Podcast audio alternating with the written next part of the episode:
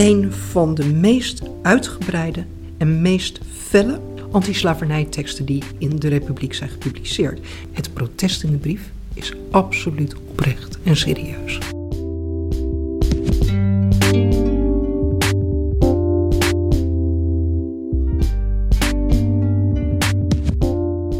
In dit themaprogramma van de Universitaire Bibliotheken Leiden duiken we in de Caribische collecties. In deze aflevering Jacqueline Hielkema over een bijzondere brief over de slavernij.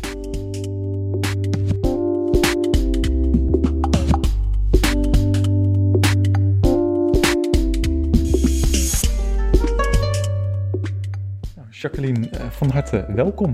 Dankjewel. En uh, wat leuk dat je er nogmaals bent in deze podcastreeks. Um, en wij hebben natuurlijk weer een mooi document meegenomen dat we vandaag gaan uh, bespreken. Zou je allereerst eens willen vertellen, waar kijken we nou naar? Waar wij naar kijken is een gebonden uitgave van het tijdschrift De Denker, dat in de 18e eeuw in Nederland werd gepubliceerd. Dit is de jaargang 1764, waar in juli een brief is gepubliceerd. Een lange brief van Kakera Akoti, een Afrikaan die tot slaaf was gemaakt, uh, aan zijn broer Atta. En de brief is in het Nederlands vertaald en in twee delen door de denker gepubliceerd.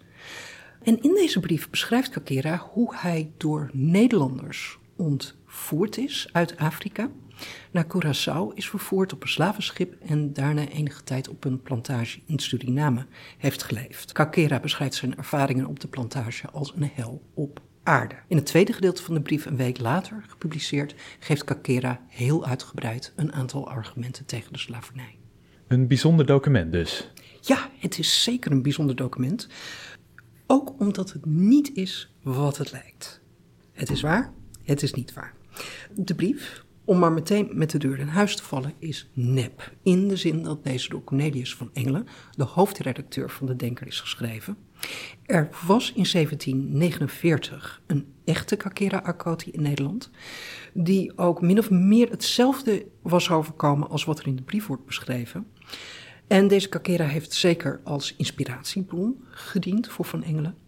Maar um, hij is lang voordat Van Engelen de brief schreef overleden. Nou, en jij werkt als uh, senior Scaliger Fellow hier bij de Universitaire Bibliotheek Leiden. En in die hoedanigheid uh, ben jij ook geïnteresseerd in onderzoek naar dit soort vervalsingen, begrijp ik? Dat klopt. Ik ben als cultuurhistorica gespecialiseerd in vroegmoderne vervalsingen.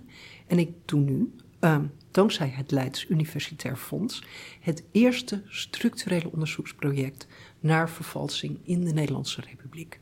Dus eigenlijk tussen 1550 en 1800. Um, de uitkomst daarvan, de voornaamste uitkomst daarvan, zal een nieuwe themacollectie binnen de bijzondere collecties worden, die in 2025 klaar zou moeten zijn. Oké, en de, de brief waar we het nu over hebben, of eigenlijk de twee brieven van Kakira Akoti, die zijn daar dus ook in opgenomen?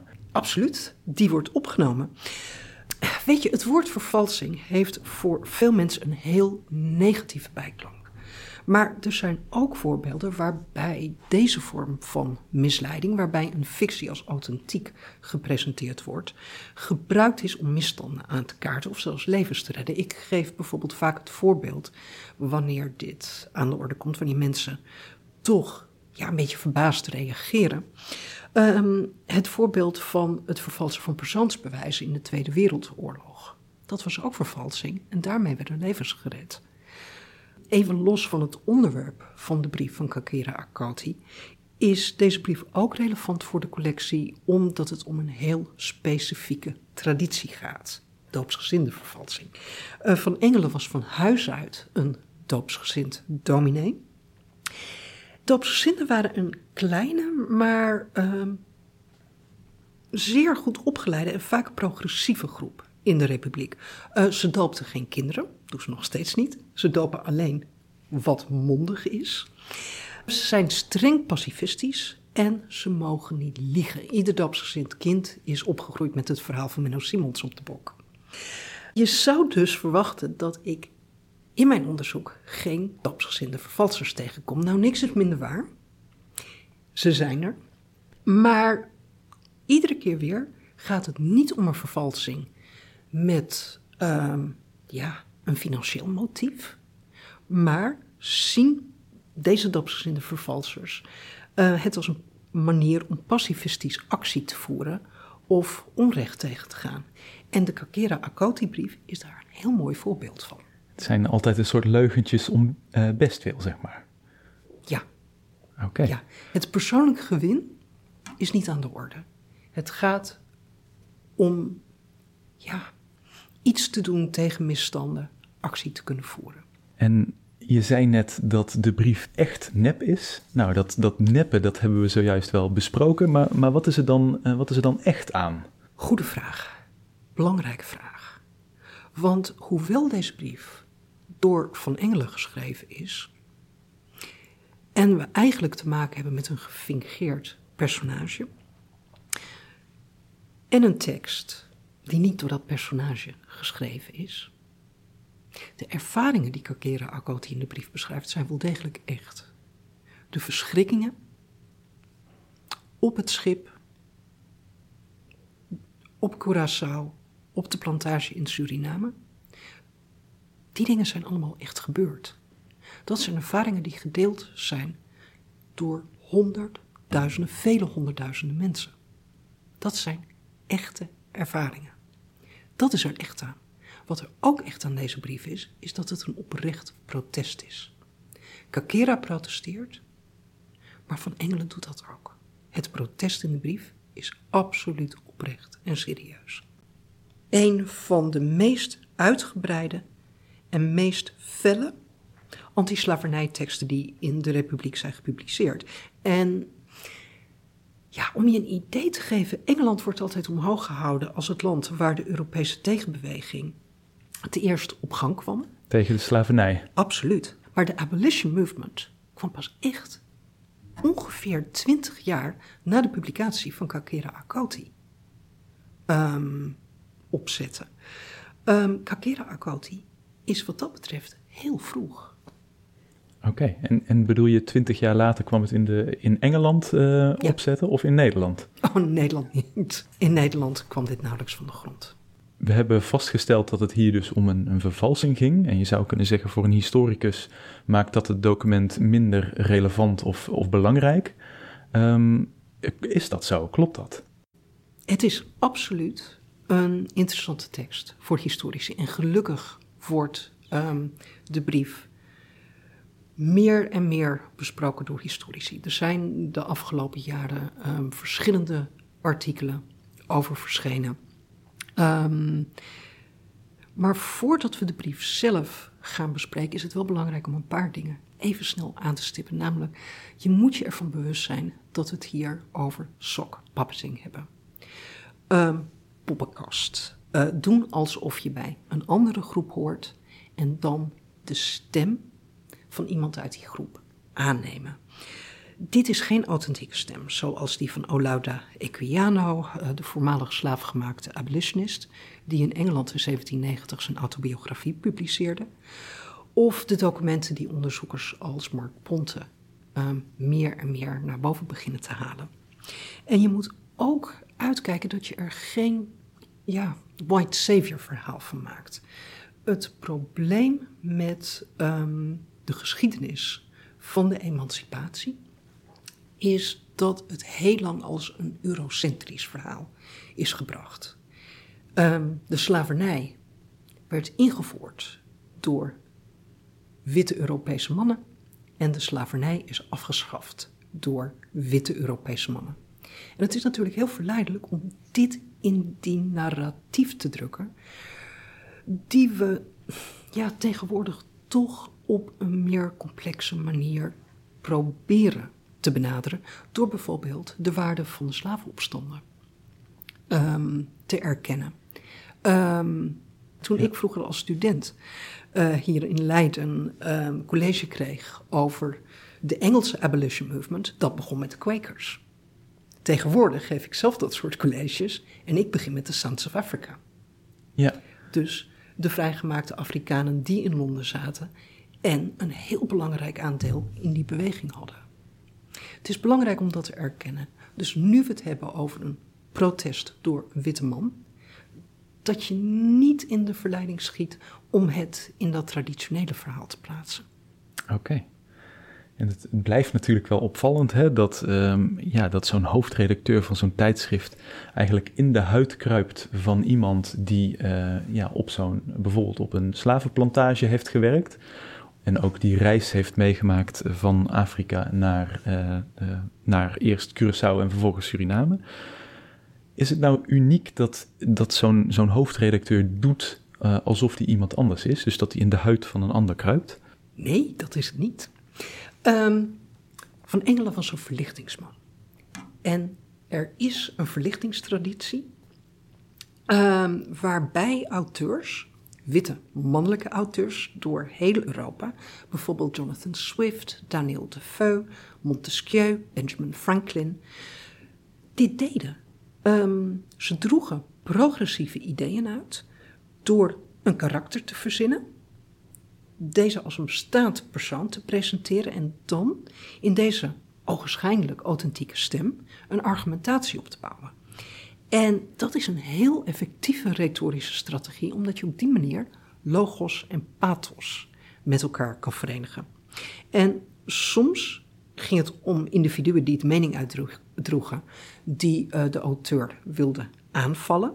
En op deze manier kon je de lezer laten ontdekken dat de argumenten van het fictieve karakter geen steek hielden. Dat is de logoskant. Logos gaat om je rationele beoordeling van een argumentatie. Maar je kon zo ook antipathie creëren ten opzichte van dat karakter. De lezer zou denken: oh, rotzak, zo wil ik niet zijn. Hm. En dat is de pathoskant.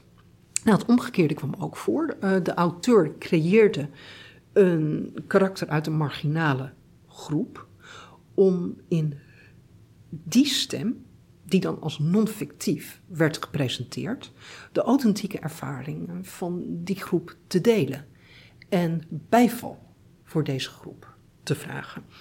Um, vaak werd dit gedaan om een maatschappelijk uh, debat op gang te brengen. En een prachtig voorbeeld daarvan, en een voorbeeld waar ik ook zelf over gepubliceerd heb, is Benjamin Franklin's uh, Speech of Polly Baker uit 1747. Waarin Franklin op deze manier heel succesvol een maatschappelijk debat, uh, eigenlijk door heel Europa op gang heeft weten te brengen over de juridische ongelijkheid van vrouwen. Uh, natuurlijk had Franklin hier gewoon ook een artikel over kunnen schrijven, met zijn eigen naam eronder. Maar door het karakter van Polly Baker te creëren, haar als authentiek te presenteren in een krantenbericht, en dan de speech die zij tijdens een rechtszaak gegeven zou hebben, helemaal uit te schrijven en haar stem te laten horen, um, was het effect veel sterker. Um, de lezer leest de woorden van een vrouw, hoort de ervaringen, de emoties van een vrouw en deelt haar ervaringen. En dat werkt niet alleen op een rationeel niveau, dat je de argumentatie kan beoordelen of het logisch is of de feiten kloppen, maar het creëert ook empathie, ja. sympathie. Dus in dat opzicht is de brief van Kakera Akoti eh, onderdeel van een langere traditie. Absoluut. Het is wel heel belangrijk daarbij om aan te geven dat er twee genres zijn binnen deze traditie. De eerste is satire, waarbij de tekst als vervalsing begint, maar gaandeweg geeft de tekst de lezer signalen dat het toch niet allemaal echt is. En een beroemd voorbeeld daarvan is Jonathan Swift's A Modest Proposal uit 1729. Um, dat begint echt als een vervalsing, maar gaandeweg kom je erachter dat wat in het pamflet wordt voorgesteld, dat de Ierse hongersnood opgelost kan worden door de Ieren hun uh, baby's te laten eten, dat dit met een korrel zout genomen moet worden en dat je het hier met satire te doen hebt. Uh, bij vervalsing gebeurt dit gewoon niet. Ieder spoortje van fictie wordt zorgvuldig vermeden. De lezer moet van het begin tot het einde denken dat het personage echt is, de spreker echt is, de tekst authentiek. Er is een grijs gebied tussen de twee. Ehm, af en toe pikt de lezer de signalen niet op. Af en toe wordt een satire verkeerd begrepen. Daniel de Vouw is daar zelfs eens voor uh, het gevang uh, ingegooid. Uh, en af en toe gaat er bijvoorbeeld bij vertalingen iets mis. we hebben satires van Jonathan Swift, die in de Engelse versie heel duidelijk satires zijn. In de Nederlandse vertalingen binnen onze collectie, de vertaler heeft gewoon de signalen niet opgepikt. Dus dan is het gewoon straight out een vervalsing geworden omdat die signalen uit de tekst zijn verdwenen. Kakera Akoti zit aan de vervalsingskant. Uh, zeker het eerste deel, dat op 23 juli um, ehm, 1764 gepubliceerd is. Uh, de brief wordt kort geïntroduceerd door een anonieme redacteur. Hij legt uit um, hoe de redactie aan de brief is gekomen, hoe de brief vertaald is en er wordt heel kort geschetst wat er met Kakera gebeurd is. Um, hij is met een aantal van zijn vrienden uh, door een Nederlandse slavenkoper ontvoerd in Afrika. Hij is dus niet gekocht daar. En daarna op een slavenschip naar Curaçao vervoerd. Daar verkocht, gebrandmerkt. Um, en vanuit Curaçao is hij naar Suriname gebracht, waar hij op een suikerplantage heeft gewerkt. Echter, omdat hij ontvoerd was en dus niet gekocht, was um, zijn gevangenschap en slavernij onwettig. En onder druk van zijn familie in Afrika hebben de Nederlandse autoriteiten hem en zijn vrienden opgespoord in Suriname, vrijgesteld en naar Nederland gehaald. Daar is hij een aantal weken verbleven en net voordat hij, um, of terwijl hij de brief schrijft, um, is hij in afwachting van zijn reis terug naar Afrika. Maar hij is er niet van overtuigd dat hij het gaat redden. Dus hij wil in een brief aan zijn broer vertellen wat hem overkomen is. Voor het geval dat. Mocht hij sterven, dan kunnen zijn vrienden deze brief aan zijn broer Atta geven. Um, het verhaal komt heel sterk overeen met wat er 15 jaar eerder echt gebeurd is met de echte Kakera Akoti.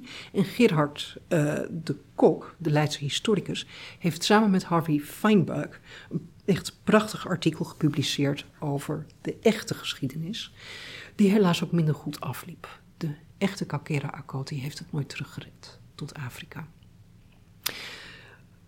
In de brief houdt de gefingeerde Kakera, zoals ik al zei, uh, rekening met deze mogelijkheid. En hij zorgt ervoor dat hij alles zorgvuldig beschrijft. Mocht hem iets overkomen, dan heeft zijn broer het hele verhaal. En dat hele verhaal is gruwelijk. Um, over het vervoer naar Curaçao op het slavenschip schrijft hij dat tijdens de reis zijn handen en voeten worden geketend. En als ik mag citeren. Ik werd beneden in het vaartuig met omtrent 300 van onze zwarte landsgenoten opgesloten. Hoe gruwelijk was dit verblijf, mijn waarde Atta. Buiten om ons op te richten, moesten wij bij elkander liggen, als ene kudde varkens. De stank die er in dit nauw bestek was, waarin wij ons bevonden, het gebrek van doortocht voor de wind en de gloeiende hitte der zon maakte dat verblijf voor ons onuitsprekelijk benauwd. Velen vielen in hete ziektes en werden door de dood uit hun ellende verlost. Nogmaals, de brief is nep, maar deze ervaringen zijn echt. We weten uit authentieke getuigenissen en wetenschappelijk onderzoek dat dit allemaal echt is gebeurd. Dat het vervoer op slavenschepen onder dit soort condities plaatsvonden op een enorme schaal. En Van Engelen geeft zijn lezer deze feiten absoluut onomwonden. Maar door Kakera als echte persoon voor te stellen, een vrije, een intelligente man, een man die getrouwd is, kinderen heeft, stelt Van Engelen zijn lezer in staat om zich met Kakera te identificeren. En in de eerste persoon lees je met hem mee, waardoor de beschrijvingen van de gruwelijkheden, uh, ziekte, mishandeling, verkrachting extra hard aankomen.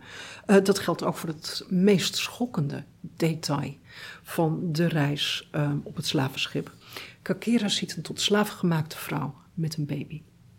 De baby heeft koorts.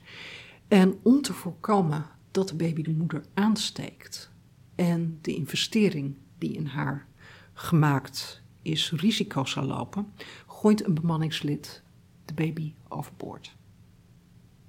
De moeder pleegt zelfmoord. Ook zij. Ze springt in het water. Um, het is een gruwelijk detail. En wat je ziet in de vervalsing is dat Van Engelen tot op dat punt heel duidelijk die empathie heeft opgebouwd.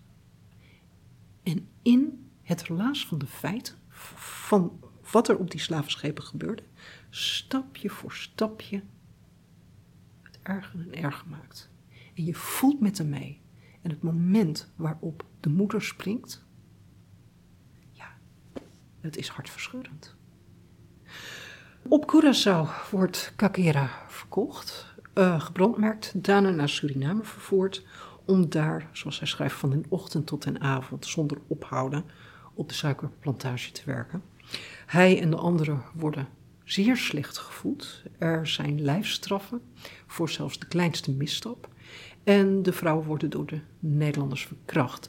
Het is opvallend dat de Kakera Akoti-brief daar tweemaal heel expliciet over is, over die verkrachtingen. Dat zie je in authentieke getuigenissen uh, toch minder. Dat men daar zo expliciet op ingaat. Um, maar over het verblijf in Suriname. Hij schrijft in het kort: zij beschouwen ons niet anders dan als werkbeesten. Ik citeer nu: enkel geschikt om met onze arbeid onze meesteren voordeel toe te brengen. En hij, het, het eerste gedeelte van die brief, dus gepubliceerd op 23 juli, het geeft al die feiten, maar het is ook een hele emotionele tekst. Kakira zit vol met woede. Ten opzichte van wat hem is aangedaan, ten opzichte van de Nederlanders. Het zijn beesten. Wanneer hij het over de verkrachtingen heeft, beesten zijn beter dan de Hollanders. Ja. Hij is voetend. En Van Engelen geeft de lezer de gelegenheid om die voeten mee te voelen. Um, en om te begrijpen waarom Kakera zo ongelooflijk kwaad wordt. Hierdoor. En is het tweede deel van uh, de brief, is dat vergelijkbaar met dat woedende eerste deel? Oh, het is zeker kwaad. Uh, die woede die blijft. Maar qua opzet is dat tweede gedeelte, dat dus een week later is gepubliceerd, wel anders. Dat tweede gedeelte uh, bestaat uit verschillende gedeelten. Eerst is Kakera nog aan het woord. En hier geeft hij vooral een opsomming van argumenten tegen de slavernij. Hij begint met een christelijk standpunt. Hij heeft in Amsterdam over het christendom geleerd, wat hij op zich heel erg mooi vindt. Maar hij zegt dat is de theorie. Ik heb gezien hoe totaal anders de praktijk is. Ik bekeer mij niet. Maar wat hij wel heeft geleerd is dat in het christendom, en ik citeer, wij uit enen en dezelfde vader met hen geboren zijn, en dat alle mensen, blanke en zwarte, broeders zijn onder mekanderen. Zijn het geen broederlijke behandelingen, Atta, die zij ons aandoen? Nou, dat is precies dezelfde gedachte die later in die Engelse abolition-beweging heel belangrijk gaat worden. In 1787 uh, komt Joshua Wedgwood met het bekende embleem van de Britse abolition-beweging: Am I not a man and a brother? En dat gaat precies op datzelfde idee, voor dat christelijke idee, dat we eigenlijk allemaal broederen, broeders zouden zijn. En toch, witte mensen hun zwarte broeders op deze manier behandelen. Christenen doen dat niet. En dan gaat hij door met alle geldende argumenten voor de Nederlandse slavenhandel die binnen de Republiek gebruikt worden. Eén voor één pakt hij ze aan en haalt hij ze onderuit. Het idee dat Afrikanen de afstammelingen zouden zijn van Gam, de zoon van Noach, die in het boek Genesis door God vervloekt zouden zijn tot eeuwige slavernij, dat is een argument dat al heel lang in de Republiek gebruikt wordt om te vergoelijken dat je slavenhandel drijft. Want als God heeft beschikt dat de nazaten van Gam verdoemd zijn tot slavernij, wie ben jij om dan te zeggen dat doen we niet? Niet als je de tekst van de Bijbel letterlijk wil volgen. Dus Kakera pakt dit aan en zegt: Uit krachten van deze vervloeking zouden wij zwarte wezen en geschikt tot slaven van hen, die kinderen van de andere broeders zijn, dus de andere kinderen van Noach. Wat denkt u, Atta? Staat het een broeder vrij om zijn broeder te mishandelen, omdat hij tegen hun gemene vader heeft misdaan? En ook het idee dat slavenhandel toegestaan is, mits het om oorlogsgevangenen gaat. Dat is een gedachte die in de Republiek, vooral met Hugo de Groot, wordt geassocieerd. Ja, Kakera pakt hem aan.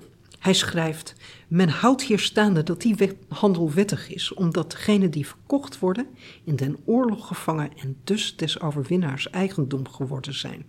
Maar het is u bekend, Atta, dat het niet alle krijgsgevangenen zijn die aan hun geleverd worden, en dat veeltijds de sterkste den zwakkere verkoopt, zonder enige recht op hem te hebben. En hij gaat door. Wat betekent dit bijvoorbeeld van de kinderen van tot slaafgemaakten? Die zouden toch in vrijheid geboren moeten zijn? Ja, de brief geeft de lezer de feiten van de transatlantische slavenhandel, maakt onomwonden duidelijk wat de Nederlandse rol hierin is en geeft een reactie op de gruwelijkheden vanuit een zwart perspectief, vanuit het perspectief van de tot slaafgemaakte. En nogmaals, het is geen authentieke reactie. Maar het geeft een stem aan woede. Een woede die er in dat Nederlands discours gewoon echt niet is. En dat maakt het bijvoorbeeld voor Van Engelands lezing veel gemakkelijker om te begrijpen waarom er recent slavenopstanden zijn geweest op Suriname. Aan het einde van de brief um, refereert Kakera daar ook naar. En zelfs Colonia in het algemeen. Um, Kakera gaat beide gedeelten verschillende malen in op het, uh, de Nederlandse expansiedrift.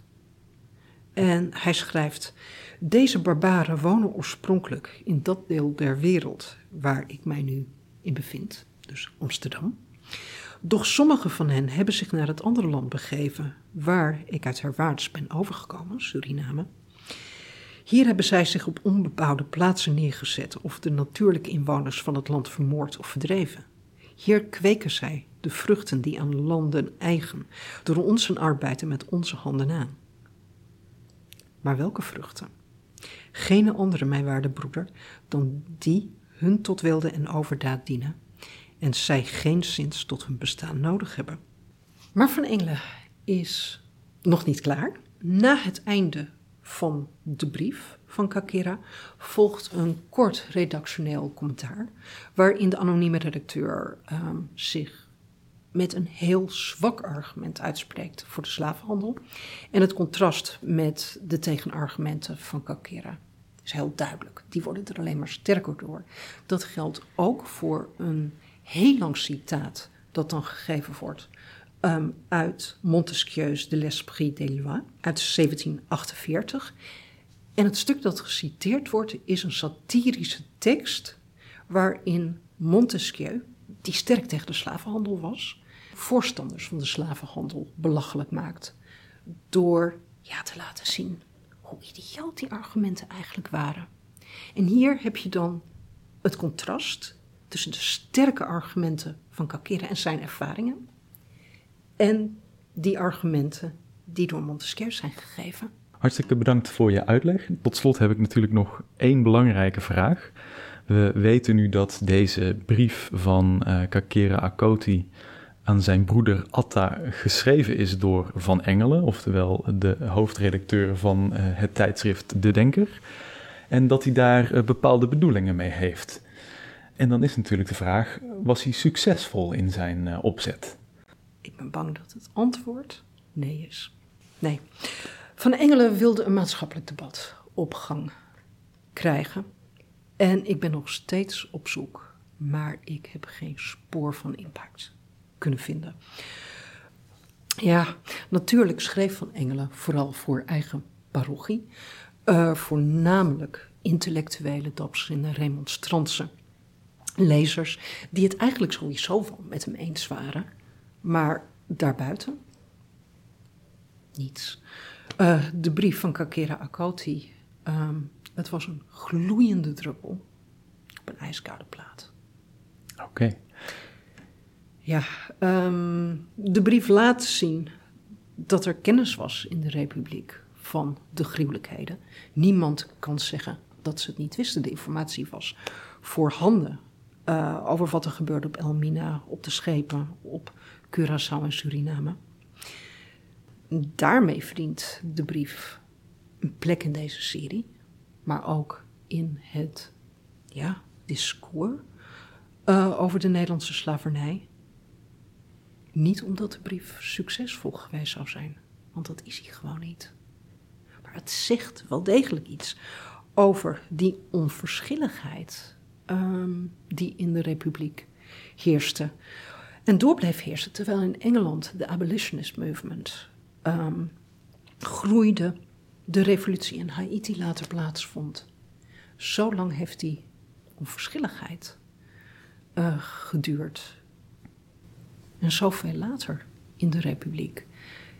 Dit is een zeldzaam protest. En ook zeldzaam in zijn uitvoerigheid. En zeldzaam in de woede. Hartstikke bedankt voor deze mooie toelichting. Hoe een nepbrief toch nog ontzettend interessant kan zijn. Dankjewel. Graag gedaan.